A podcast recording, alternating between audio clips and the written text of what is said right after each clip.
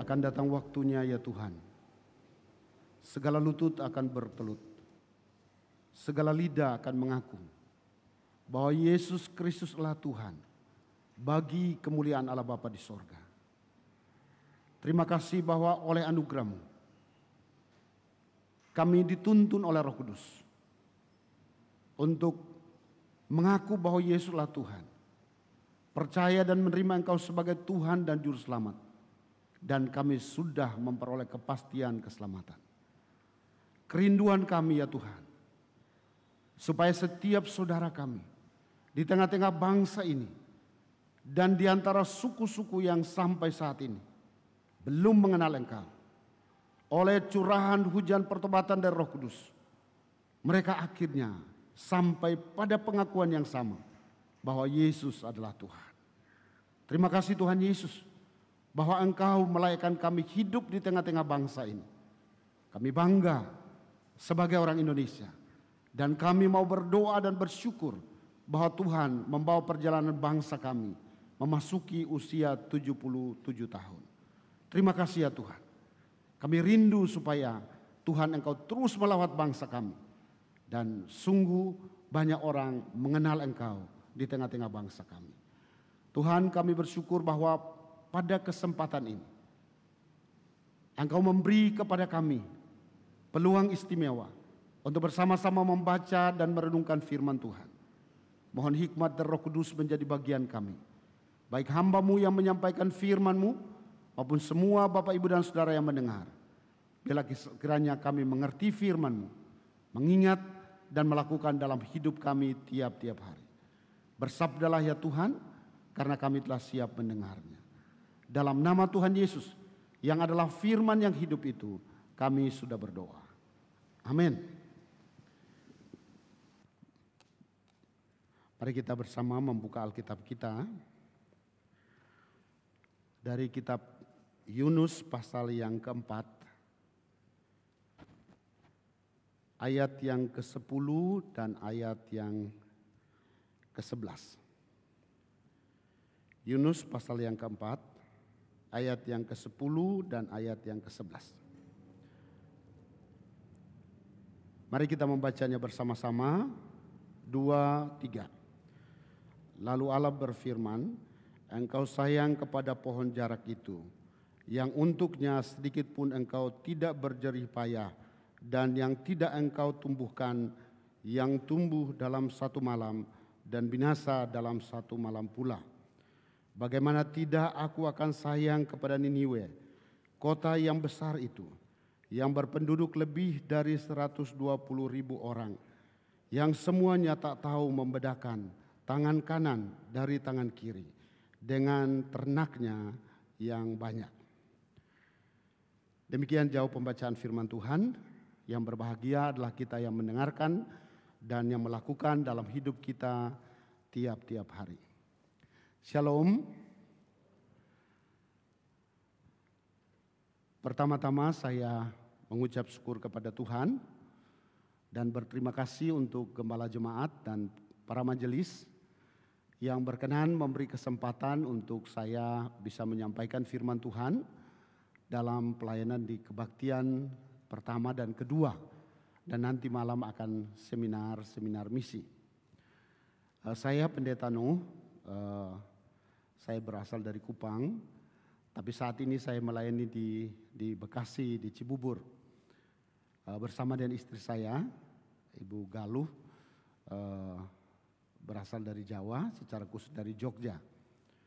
Kami merintis sebuah gereja namanya Gereja Pok Iktus Bumi Dirgantara Permai itu tahun 96 itu dengan 14 orang dewasa dan beberapa anak. Tapi oleh anugerah Tuhan gereja ini terus berkembang dan saat ini bersama dengan anak-anak kami sekitar 1.500 anggota jemaat. Kami juga uh, merintis ada STT Arabona yang khusus untuk mempersiapkan dan mengutus para misionari. Kami juga memulai mobilisasi misi anak, pelayanan uh, generasi muda yang disebut dengan J4C.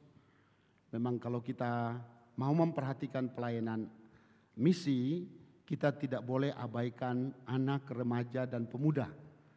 Hari ini mereka anak-anak, tapi beberapa tahun ke depan mereka menjadi partner yang efektif untuk kita bisa melaksanakan pelayanan dalam gereja, tetapi juga dalam misi. Oleh anugerah Tuhan, kami uh, sudah mengutus saat ini, memang dari awal kami berdoa supaya gereja yang ada menjadi gereja yang misioner. Dan puji Tuhan bahwa apa yang menjadi kerinduan untuk menjadi gereja yang misioner adalah kerinduan juga yang ada di hati Tuhan. Sehingga oleh anugerahnya saat ini kami sudah mengutus 38 misionari. Tuhan bangkitkan dari tengah-tengah jemaat. Kami persiapkan mereka dan oleh anugerah Tuhan kami utus. Baik di suku-suku yang terabaikan di Indonesia maupun juga di luar. Kami sudah mengutus ke Timur Tengah, kami juga mengutus ke Afrika, kami juga mengutus ke China, kami juga mengutus ke Bhutan, kami juga mengutus ke Kamboja, dan kami bertekad untuk terus mengutus. Tahun 2033 adalah tahun di mana kita akan memperingati ulang tahun yang ke-2000 dari amanat agung. Dan kami bertekad supaya tahun 2020, 2033 eh, oleh anugerah Tuhan kami bisa mengutus 100 misionaris. Saudara gereja ada karena misi. Amin. Kalau tidak ada misi tidak ada gereja. Tapi jangan lupa bahwa gereja bukan hanya ada karena misi. Gereja juga ada untuk misi. Bolehkah kita sebutkan sama-sama pernyataan ini?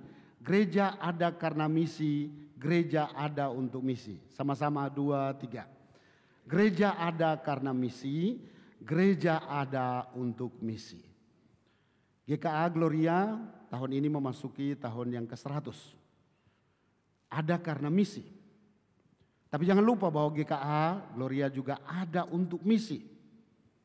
Jangan sampai kita ada karena misi, setelah itu kita mengabaikan misi. Bapak, Ibu, dan Saudara yang dikasihi Tuhan, mari kita memperhatikan tema yang telah ditetapkan oleh pengurus, oleh majelis, yaitu kerinduan hati Tuhan. Kerinduan hati Tuhan. Dalam kehidupan kita sebagai orang Kristen, mengikut Tuhan, melayani Tuhan, kita punya banyak kerinduan. Dan kalau kita mau mem mempresentasikan kerinduan-kerinduan yang ada di hati kita, maka sebenarnya kerinduan terbanyak kita adalah kita rindu Allah memenuhi apa yang kita butuhkan. Betul ya? Itu tercermin dalam doa-doa doa-doa kita. Kita rindu Allah memenuhi semua kebutuhan kita. Itu sesuatu yang tidak salah.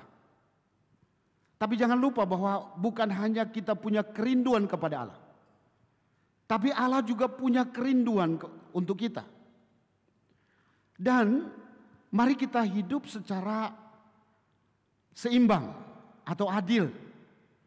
Satu sisi kita punya kerinduan kepada Allah, tapi jangan lupa bahwa kita juga harus memperhatikan kerinduan dari Tuhan. William Carey seorang bapak misi modern sebuah pernyataan yang mungkin sering sekali saudara dengar. Harapkanlah perkara-perkara besar dari Tuhan. Tidak ada yang mustahil, harapkan hal-hal yang besar dari Tuhan. Tapi jangan lupa, pikirkanlah hal-hal yang besar bagi Tuhan. Perkara-perkara besar bagi Tuhan.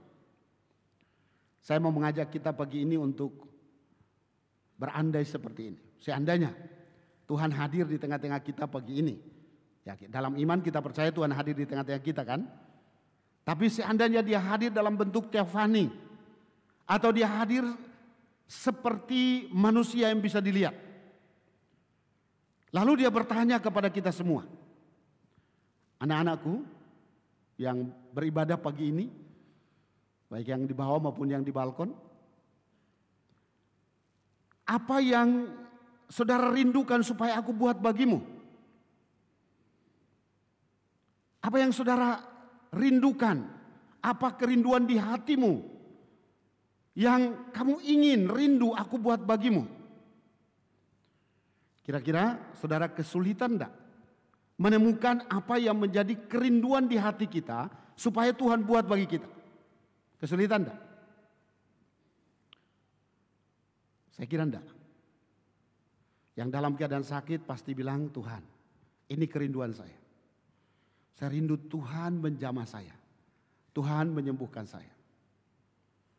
Yang lagi dalam studi akan berkata Tuhan saya rindu Tuhan memberkati studi saya. Yang lagi bekerja akan berkata Tuhan saya rindu Tuhan memberkati pekerjaan saya. Yang lagi bergumul tentang pasangan hidup akan berkata Tuhan saya rindu Tuhan mempertemukan saya dengan pasangan hidup yang tepat. Dan banyak kerinduan lagi yang kita bisa sampaikan kepada Tuhan. Bahkan ada yang mungkin berkata Tuhan sebentar ya saya ambil ballpoint sama kertas dulu. Lalu kita mulai menulis. Satu, dua, tiga. Beberapa. Lalu kita sodorkan ke Tuhan. Tuhan ini loh yang jadi kerinduan saya. Yang saya rindu Tuhan lakukan bagi saya. Enggak salah. Kalau Tuhan bilang mintalah maka akan diberikan kepadamu. Tapi seandainya Tuhan ada di sini dan dia bertanya sebaliknya. Apa yang yang selama ini engkau rindukan untuk buat bagiku? Apa yang engkau kandung dalam pikiranmu? Apakah yang engkau kandung dalam hatimu? Apa yang menjadi komitmen yang berisi kerinduan?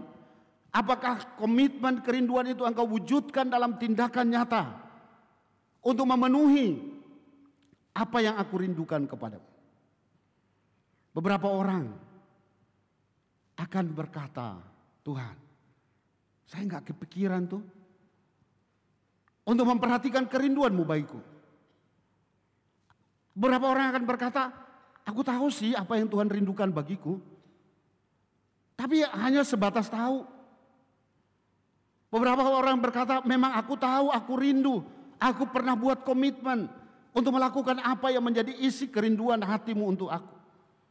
Tapi aku sibuk Tuhan. Aku tunda dari waktu ke waktu. Dan sampai saat ini, aku belum buat sesuatu untuk memenuhi apa yang kau rindukan aku lakukan bagimu. Terus saudara yang dikasih oleh Tuhan Yesus. Mari hari ini kita memperhatikan apa yang menjadi kerinduan hati Tuhan untuk kita. Dan kalau kita tahu itu, dan kalau kita memenuhi kerinduan Tuhan, jangan takut terhadap segala sesuatu yang menjadi kerinduan hati kita bagi Tuhan. Dia tahu kok yang terbaik untuk kita semua. Saudara-saudara, Mari kita memperhatikan searah dengan firman Tuhan yang kita sudah baca tadi. Kalau ada seseorang dalam hidup kita, kita kan hidup dalam interaksi sosial satu terhadap yang lain. Dan sebagai makhluk, makhluk sosial, kita bisa mengecewakan orang, orang juga bisa mengecewakan kita.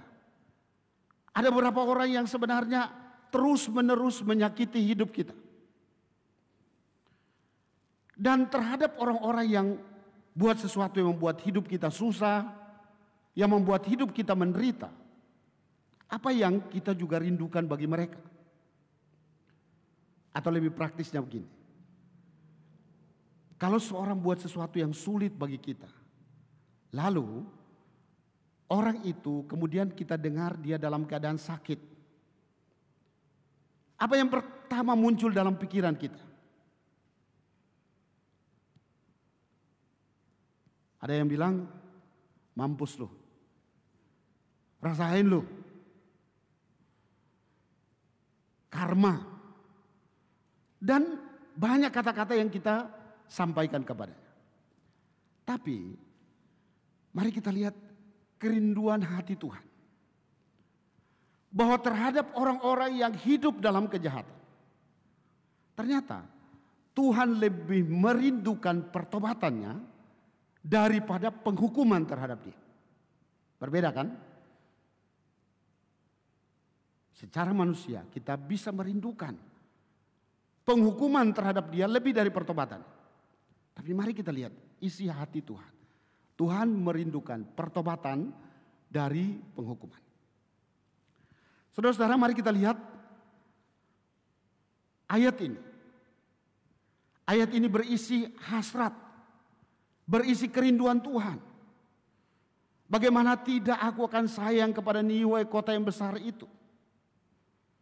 Yang penduduknya lebih dari 120 ribu orang. Ini banyak. Tapi bukan hanya banyak. Tapi disebutkan bahwa mereka tidak membedakan tangan kanan dari tangan kiri. Artinya apa? Mereka hidup dalam kehidupan yang tidak mengerti, tidak tahu tentang tujuan hidup. Mereka hanya hidup untuk kesenangan bagi diri mereka sendiri. Walaupun mereka kaya, ternaknya banyak. Saudara, kita dengan memperhatikan bagian firman Tuhan ini, kita bisa tahu isi hati kerinduan Tuhan untuk kita. Mari kita memperhatikan tentang Niniwe. Sebuah kota yang besar didirikan oleh Nimrod. Lalu Kota ini terkenal memang. Senang ya kalau dengar kata terkenal. Tapi menarik bahwa terkenalnya Niniwe bukan karena baiknya. Bukan karena kayanya. Bukan karena indahnya. Tapi terkenal karena apa? Jahatnya. Terkenal karena jahatnya. Mari kita lihat bahwa kota ini adalah kota penumpah darah. Orang-orang Niniwe itu membunuh orang tidak langsung dibunuh. Dipotong kakinya, tangannya, lalu dibiarkan menderita sebelum dia mati dia menderita dalam waktu yang panjang. Ibu-ibu yang dalam keadaan hamil, perut mereka bisa dibelah, janin dikeluarkan, lalu kemudian janin itu dicincang. Jahatnya orang Niniwe. Tapi bukan hanya jahat, kota darah. Mereka juga adalah kota yang penuh dengan persinahan, perjabulan. Bukan hanya itu, tapi juga kota penyembahan berhala, sihir, begitu bertumbuh kuat di sana. Pendeknya, kota ini adalah kota yang penuh dengan dosa. Tapi mari kita lihat hati Tuhan. Kerinduan hati Tuhan terhadap orang-orang yang berdosa ini hati yang merindukan supaya mereka bisa bertobat. Dan sebenarnya kerinduan seperti inilah yang Tuhan inginkan untuk kita. Alam merindukan pertobatan lebih dari penghukuman. Dan mari kita lihat bahwa karena dia merindukan pertobatan, maka dia mengutus Yunus. Pergilah ini sebuah perintah. Berserulah terhadap mereka.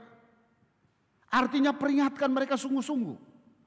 Mereka sudah berada di bawah penghukuman. Tapi kalau mereka bertobat, maka mereka bisa bebas dari penghukuman yang ada. Inilah kerinduan hati Tuhan. Dan mari lihat bahwa yang Tuhan rindukan supaya mereka bertobat bukan hanya umat Israel, tapi umat non-Israel. Yang dalam konteks perjanjian lama sering disebut dengan Goim, bangsa-bangsa Gentiles, bangsa-bangsa non-Ibrani, non-Yahudi, bangsa-bangsa yang menurut orang Yahudi, orang Israel, derajat mereka tidak lebih baik dari binatang. Lihat bahwa Tuhan merindukan keselamatan bangsa-bangsa. Yunus sebagai orang yang dipanggil oleh Tuhan dari Israel, secara khusus Israel Utara, yang pernah mengalami akan adanya kekejaman dari tentara-tentara orang-orang Niniwe ini. Fanatisme yang berlebihan, sakit hati yang ada, membuat dia untuk melihat ini sebagai sesuatu yang sebenarnya tidak perlu. Tapi mari kita lihat bahwa Dalam perjanjian lama memang Tuhan menginginkan. Betul bahwa Israel itu adalah umat pilihan Tuhan. Dalam panggilan Tuhan terhadap Abraham, dalam panggilan Tuhan terhadap Israel, Tuhan memberikan hak-hak istimewa. Tapi sebenarnya Tuhan mau supaya melalui pilihan Tuhan terhadap Israel, bangsa-bangsa lain diselamatkan oleh Tuhan.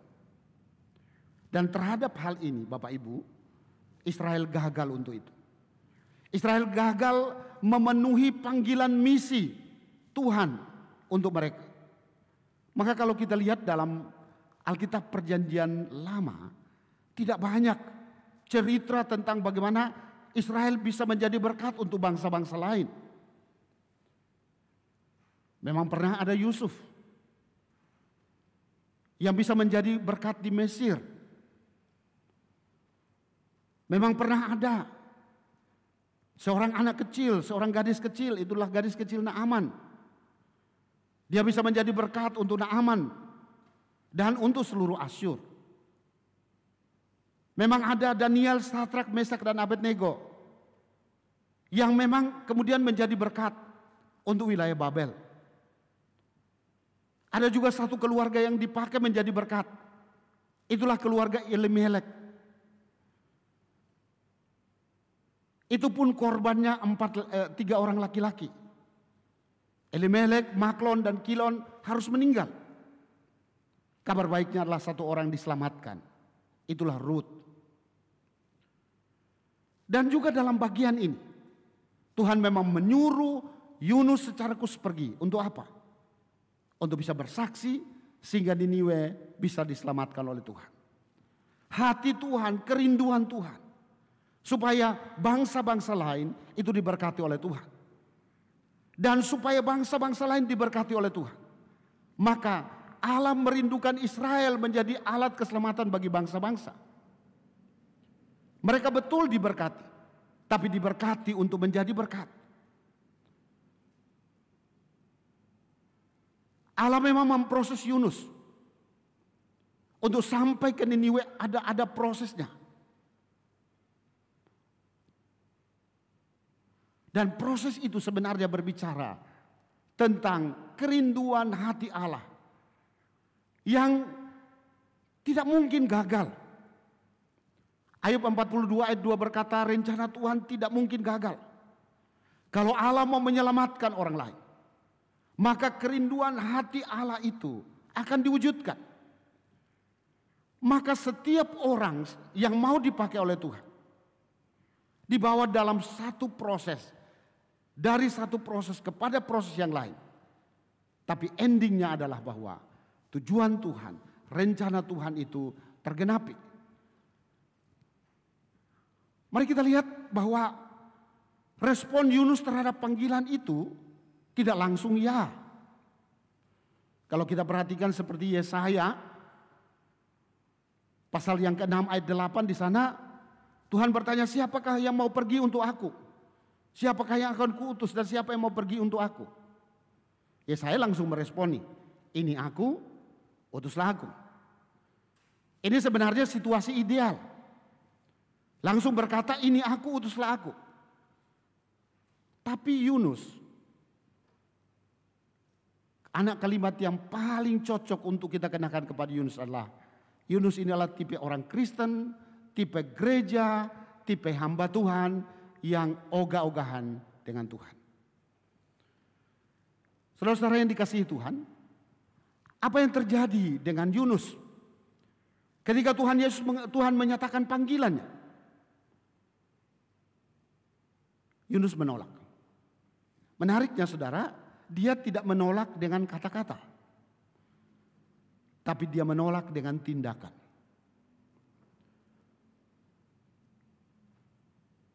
Yunus tidak pernah berkata, aku tidak mau, aku nggak layak. Dia siap memang, tapi dia tidak siap untuk taat, tapi dia siap untuk pergi ke tempat yang bertolak belakang dengan tempat yang disuruh oleh Tuhan. Yunus tidak pergi ke arah Asyur, tapi dia menuju Tarsis. Kalau saudara lihat dalam peta itu bertolak belakang. 180 derajat. Siap untuk pergi membelakangi tempat yang Tuhan mau untuk dia. Alkitab berkata, dia melarikan diri dari hadapan Tuhan. Jauh dari hadapan Tuhan. Saudara-saudara yang dikasihi Tuhan. Raja Daud dalam Mazmur 62 ayat yang ke-2 ayat yang ke-7 berkata, hanya dekat Allah saja kiranya aku tenang. Menarik bahwa dia memadukan only dan alone hanya dekat, hanya, only, dekat Allah saja, alone. Kalau dia pakai satu saja sudah cukup, hanya saja sudah cukup. Tapi dia pakai hanya, tapi dia juga tambahkan saja. Itu sebuah bentuk penekanan. Apa maksudnya? Tuhan itu sumber berkat. Dekat dengan Tuhan, dekat dengan berkat. Jauh dari Tuhan, jauh dari berkat. Hanya orang memang pengen diberkati Tuhan. Tapi nggak mau dekat dengan Tuhan. Nggak mau meningkatkan relasinya, hubungannya, intimasinya dengan Tuhan. Padahal dekat dengan Tuhan sama dengan dekat dengan berkat. Jauh dari Tuhan sama dengan jauh dari berkat. Ketika Alkitab berkata Yunus lari jauh dari Tuhan, maka dia menjauhkan dirinya dari sumber berkat. Dalam sebuah khotbah saya tanya kepada jemaat. Pekerjaan apa sih yang paling berat dalam hidup ini? Menurut Bapak Ibu. Pekerjaan apa sih yang paling berat dalam hidup ini? Pekerjaan yang paling berat dalam hidup ini adalah melawan Tuhan. Mengapa? Kalau melawan yang lain, ada kemungkinan kita menang. Tapi melawan Tuhan, tidak ada kemungkinan kita bisa menang. Maka jangan habiskan energi kita untuk melawan sesuatu yang sebenarnya kita tahu bahwa itu tidak mungkin kita menang. Yang lebih tepat adalah taat saja. Taat saja. Percaya dan taat. Firman Tuhan berkata kalau kamu percaya, kamu taat, kamu akan melihat kemuliaanku. Aku akan kamu akan melihat kuasaku. Kamu akan melihat mujizatku. Kamu akan melihat pertolonganku terjadi dalam hidup. Percaya saja. Taat saja. Saudara-saudara, mari kita lihat bahwa ketika Yunus mencoba lari. Apa yang terjadi? Apakah Tuhan akan berkata, oke, okay, nggak apa-apa, Silahkan, kamu lari saja. Lihat bahwa Yunus kembali menerima panggilan Tuhan. Walaupun dia harus melewati sebuah proses. Mari kita lihat kembali bahwa ini tidak mungkin gagal rencana Tuhan.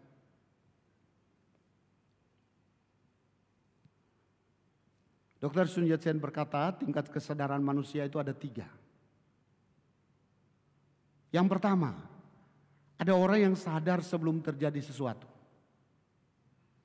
Sebelum sakit, sebelum ada dalam kesulitan, dia sudah sadar. Ada orang yang sadar setelah terjadi sesuatu. Setelah melalui sebuah kesulitan, baru dia sadar. Dia serahkan hidupnya kepada Tuhan, memberi diri melayani Tuhan. Tapi ada orang yang tidak sadar-sadar walaupun sudah terjadi segala sesuatu. Kalau Bapak Ibu boleh pilih, pilih yang mana? Yang pertama, yang kedua atau yang ketiga?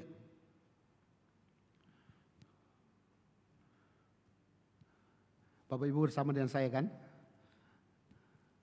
Kalau boleh pilih yang mana? Idealnya yang pertama. Sadar sebelum terjadi segala sesuatu.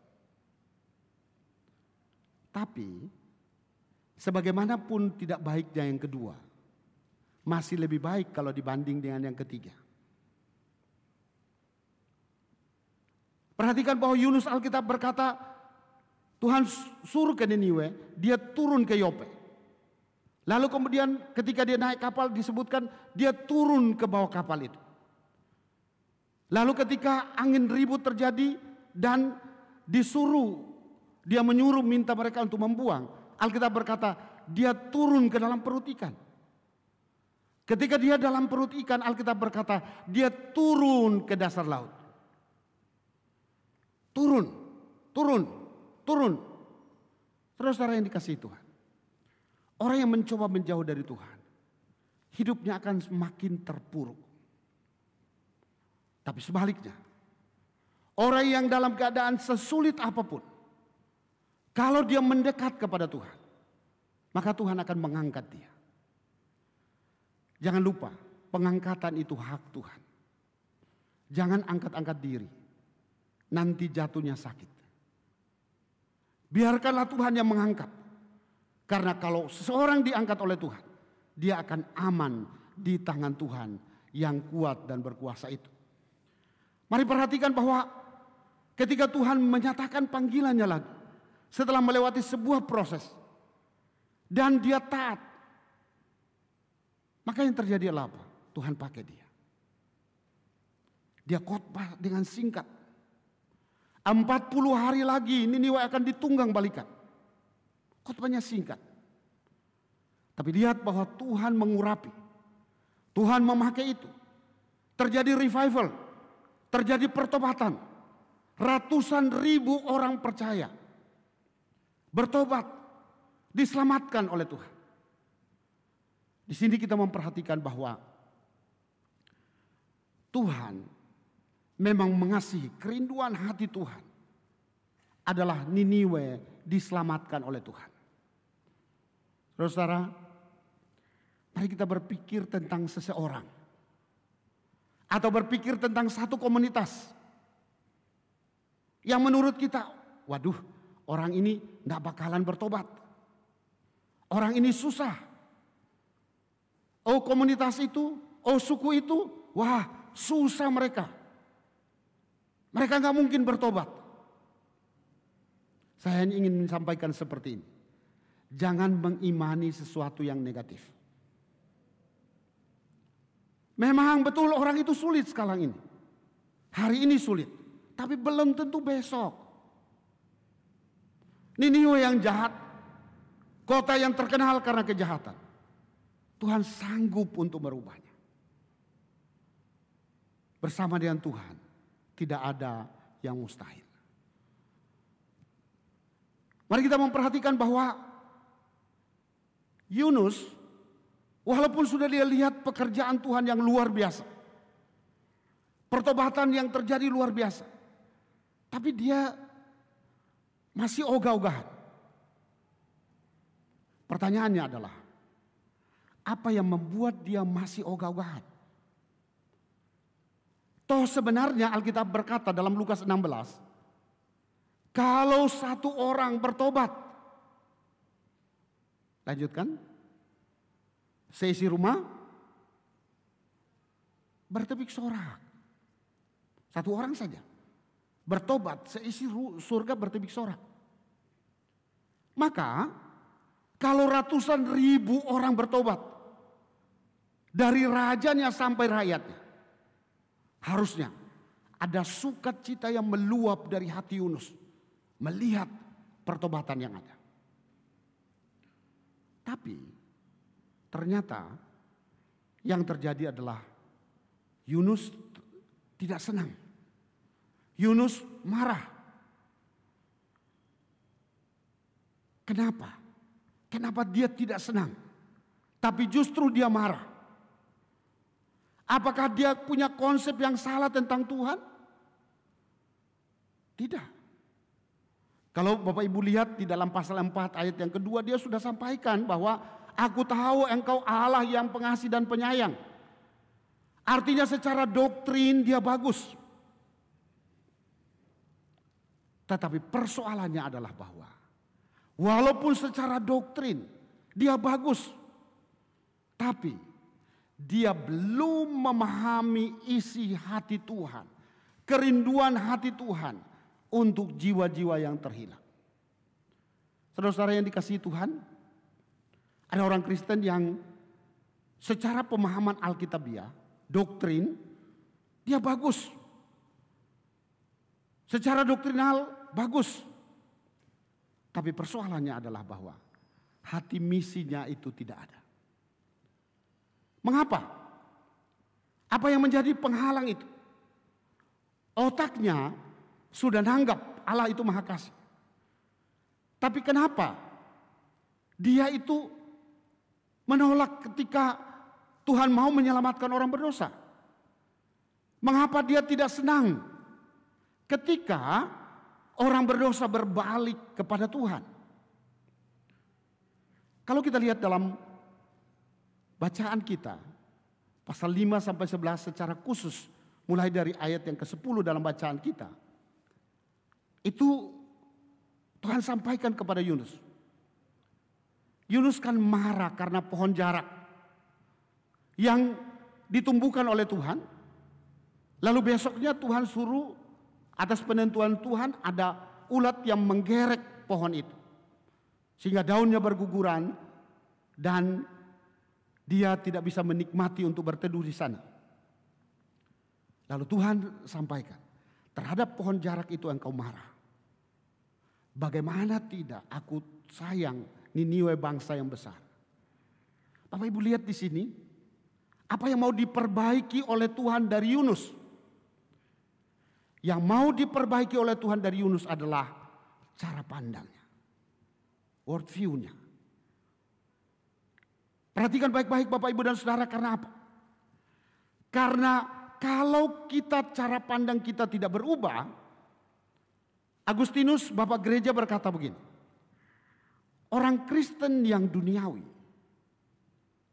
memanfaatkan Tuhan untuk mendapatkan uang mem mem memanfaatkan Tuhan untuk menikmati uang atau fasilitas atau benda.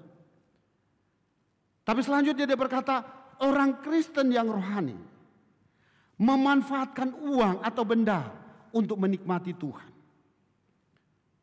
Bapak Ibu, apa yang paling kita nikmati dalam hidup ini? Tuhannya atau berkatnya Tuhan? Kita bisa memanfaatkan berkatnya Tuhan tapi kenikmatan hidup kita tidak diberkat. Yunus nampaknya dia lebih menikmati fasilitas yang ada, yaitu pohon jarak itu. Dan dia tidak menikmati hasrat, kerinduan yang ada pada Tuhan untuk jiwa-jiwa yang terhilang. Bapak Ibu, pohon jarak itu sarana. Sarana tidak boleh menjadi sasaran. Sarana harus tetap sarana. Sarana itu ada untuk sebuah sasaran. Ketika sebuah sarana menjadi sasaran, maka sebenarnya kita sudah terjebak dalam skenario iblis. Karena itu, mari kita tata cara pandang kita. Bapak Ibu, inilah hati Tuhan. Dan bagaimana dengan kita saat ini? Menurut ensiklopedia Kristen, orang Kristen di dunia itu ada sekitar 35 ke 36 persen dari 7, sekitar 7,5 miliar. Dan perhatikan bahwa dari 36 persen itu, 10 ke 11 persen itu adalah orang Kristen sejati. Siapa orang Kristen sejati itu? Mereka yang sudah lahir baru. Yang sudah punya iman yang menyelamatkan. Sudah percaya diterima Tuhan Yesus. Yang dimuridkan dan bertumbuh rohaninya. Dan yang punya kerinduan untuk melayani Tuhan. Itu sekitar 10 persen. Tapi itu berarti bahwa ada sekitar 25 persen. Itu Kristen nominal. Mungkin dia ke gereja, tapi belum sungguh hidup dalam Tuhan. Ini membutuhkan reevangelisasi, diinjuli ulang, supaya akhirnya bersama-sama hidup melayani Tuhan, menjadi saksi Tuhan, terlibat dalam misi sedunia. Tapi jangan lupa kalau itu 36 persen. Masih ada 64 persen yang masuk dalam kategori terabaikan. Mereka perlu perlu mendapatkan berita kabar baik tentang Tuhan Yesus. Di mana saja mereka? Menurut Joshua Project, Bapak Ibu, ada 16.789 suku di seluruh dunia. Yang populasinya lebih dari 10.000. Dan dari 16.789 itu, mulai dari amanat agung diberikan, itu sudah ada 9.517 yang sudah terjangkau. Yang sudah terjangkau maksudnya di sana sudah ada orang Kristen lebih dari satu persen. Sudah ada gereja lokal yang aktif untuk menjangkau suku itu. Itu 9.517. Tapi itu berarti masih ada 7.272 suku yang masuk dalam kategori terabaikan. Mereka akan terus terabaikan.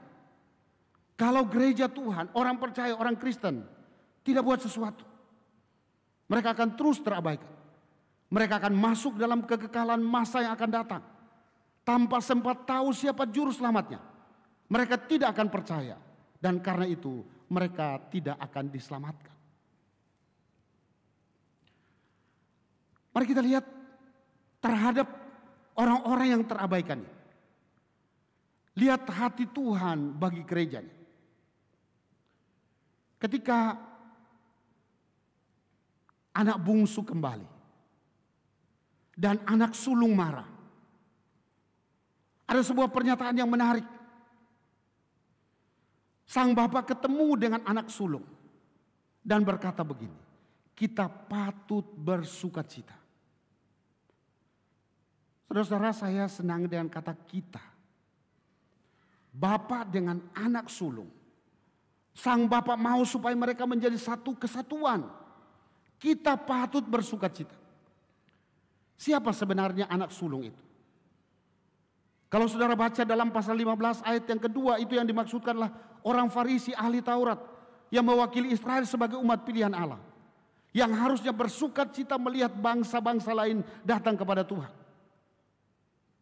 Tapi ternyata hati si sulung berbeda dengan hati Bapa. Hati Bapa yang merindukan si bungsu kembali. Dan siapa si bungsu? Dalam pasal 15 ayat pertama dan kedua disebutkan di situ. Dia adalah pemungut cukai dan orang berdosa. Dan untuk konteks kita sekarang itu berbicara tentang suku-suku yang terbaikan. Orang-orang yang belum diselamatkan. Artinya apa? Kerinduan yang ada di hati Bapa adalah supaya kita sebagai gereja Tuhan punya kerinduan yang sama dengan kerinduan yang ada di hati Bapa terhadap orang-orang yang belum diselamatkan. Supaya Tuhan pakai kita untuk menjangkau mereka. Tapi yang terjadi adalah apa? Nasionalisme seperti Yunus, sukuisme, rasisme, dan juga kadang-kadang kenyamanan. Zona nyaman, telah menghambat gereja Tuhan. Telah menghambat banyak orang percaya untuk bergerak keluar menjadi saksi Tuhan. Bersaksi bahwa ada satu pribadi yang sangat mengasihi mereka. Telah memberi nyawanya untuk mereka. Supaya mereka bisa percaya dan diselamatkan oleh Tuhan. Perhatikan Bapak Ibu dan Saudara bahwa ternyata Cara pandang itu harus diubahkan. Saya memperhatikan Bapak Ibu sebagai gembala jemaat. Tidak mudah membawa jemaat dari tadinya tidak mengerti apa-apa dan sekarang kami mengutus misionari dalam jumlah yang banyak. Saya mau bersaksi kepada Bapak Ibu bahwa awalnya hambatan terbesar jemaat untuk bermisi bukan uang. Hambatan terbesar untuk bermisi itu bukan kemampuan, bukan waktu. hambatan terbesar untuk bermisi adalah cara pandang. Banyak orang Kristen yang rohani, kelihatannya rohani, tapi cara pandangnya belum diubahkan. Dan mungkin Bapak Ibu bertanya, cara pandang seperti apa yang tidak berubah? Saya mau kasih tahu Bapak Ibu. Matius 28 ayat 19 dan 20. Seringkali gereja menyebut itu amanat agung. Betul ya? Apakah kata ada kata amanat di situ? Enggak ada. Ada apakah tertulis kata agung di situ? Enggak ada. Kalau begitu dari mana gereja mengambil kata amanat agung? Anak kalimat amanat agung itu. Begini. Menurut kebiasaan orang Yahudi, dalam hubungan guru dan murid. Berlaku ketentuan seperti ini. Pesan terakhir dari sang guru. Pesan terakhir dari sang guru harus menjadi yang utama bagi sang murid. Pesan terakhir dari sang guru harus menjadi yang utama bagi sang murid. Deskripsi khas pengikut Kristus pada waktu itu bukan Kristen, tapi murid. Orang Kristen belum tentu murid, tapi seorang murid pasti seorang Kristen. Dan kalau benar kita ini murid Kristus, maka harusnya amanat agung itu harus menjadi yang utama dalam hidup kita. Lebih dari segala sesuatu, termasuk nyawa kita sendiri. Amanat agung adalah hal yang utama bagi kita lebih dari segala sesuatu. Bapak, Ibu, dan Saudara, kita punya pemahaman Alkitab yang baik. Ada yang bilang begini, wah orang itu menguasai Alkitab. Artinya pengetahuan Alkitabnya baik. Tapi persoalannya adalah seperti ini. Bahwa orang-orang yang tahu Alkitab. Kadang-kadang mereka bingung dalam penerapannya. Mana yang utama? Mana yang sekunder? mana yang sepele. Yang utama itu amanat agung. Yang sekunder fasilitas seperti gedung gereja seperti ini dan sarana yang lain. Tapi hal-hal yang sepele itu adalah hal-hal yang bersifat ritual. Ulang tahun kaum ibu dirayakan pakai seragam. Kaum bapak seragam. Apalagi? Semua ritual. Setelah Tuhan mulai membukakan kepada kami mana yang utama, mana yang sekunder, mana yang sepele. Kami mulai menata dalam program untuk mulai fokus pada hal yang utama. Biar yang utama tetap utama, yang sekunder tetap sekunder, yang sepele tetap sepele. Jangan mengutamakan hal yang sepele dan menyepelekan hal yang utama. Amanat agung adalah hal yang utama. Hal yang kedua yang sering menjadi penghambat adalah setelah cara pandang orang diubahkan, hasratnya mulai dibangkitkan. Kerinduan Allah, kita bisa menyebutnya hasrat ilahi. Tapi hasrat ilahi dari hati Allah harus diserpo, di, diresponi dengan hasrat rasuli dari hati kita.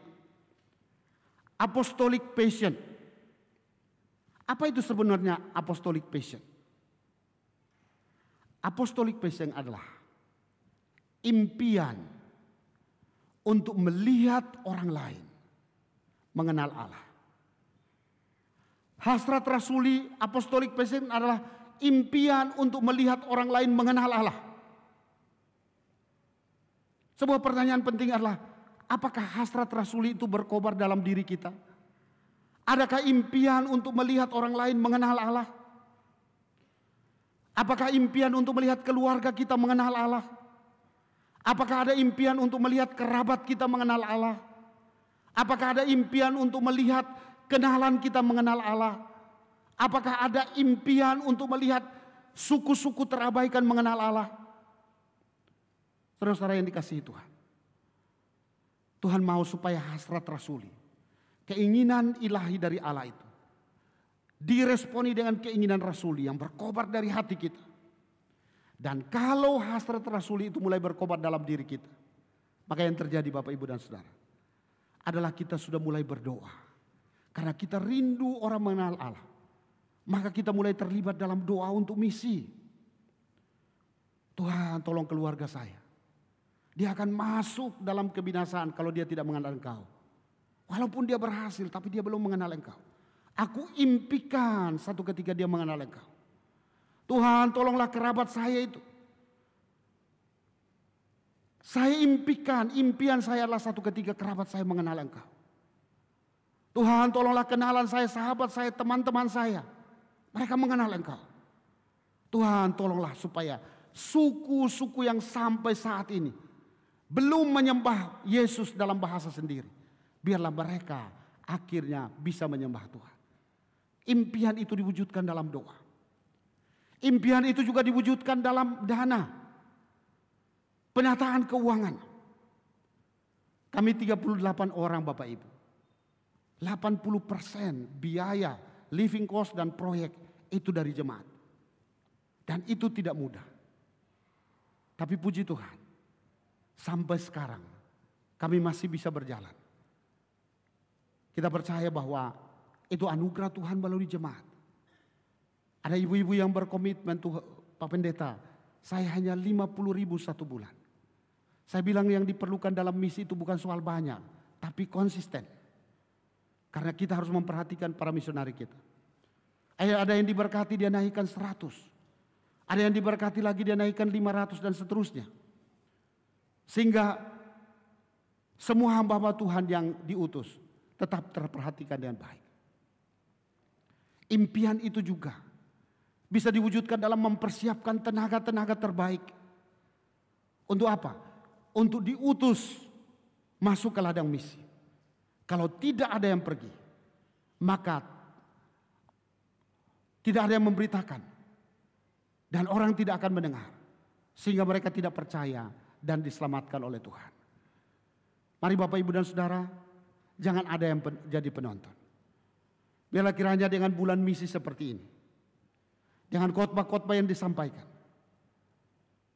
Tuhan menolong kita. Cara pandang kita makin diubahkan. Untuk fokus pada hal yang utama. Hasrat rasuli kita makin dikobarkan untuk tidak berdiam, tapi merindukan keselamatan orang lain dan mulai terlibat dalam apa saja yang kita bisa buat supaya orang lain bisa diselamatkan oleh Tuhan.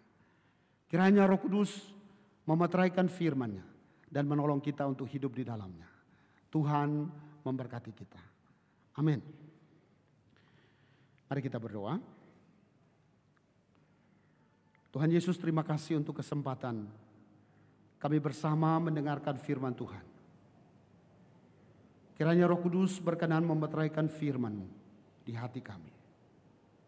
Kiranya Roh Kudus terus bekerja, mengubah cara pandang kami, supaya kami bisa hidup dan berfokus pada hal yang utama, yaitu amanat agung yang berisi kerinduan di hati Tuhan, agar semua suku bangsa dijadikan murid. Biarlah pada waktu yang sama Roh Kudus juga mengerjakan di hati kami hasrat rasuli yang berisi impian untuk menyelaraskan apa yang utama di hati Tuhan menjadi utama di hati kami. Apa yang menjadi prioritas Tuhan menjadi prioritas kami. Hasrat Tuhan menjadi hasrat kami. Dan biarlah oleh anugerah Tuhan, impian agar orang lain mengenal Tuhan, biarlah berkobar-kobar di hati kami. Biarlah kami bisa mewujudkannya dalam doa supaya banyak orang mengenal Tuhan. Biarlah kami juga wujudkannya dalam dukungan secara finansial sehingga pelayanan misi tetap berjalan. Semua hamba-hamba Tuhan yang diutus tetap didukung dan mereka tetap fokus untuk memberitakan Injil. Dan biarlah impian untuk bisa mempersembahkan pribadi-pribadi yang terbaik, menyiapkan dan mengutus mereka untuk masuk ke suku-suku yang terbaikan sehingga di sana mereka boleh memberitakan kabar baik. Banyak orang mendengar, percaya dan diselamatkan. Terima kasih Bapak. Inilah doa kami. Dalam nama Tuhan Yesus kami sudah berdoa. Amin.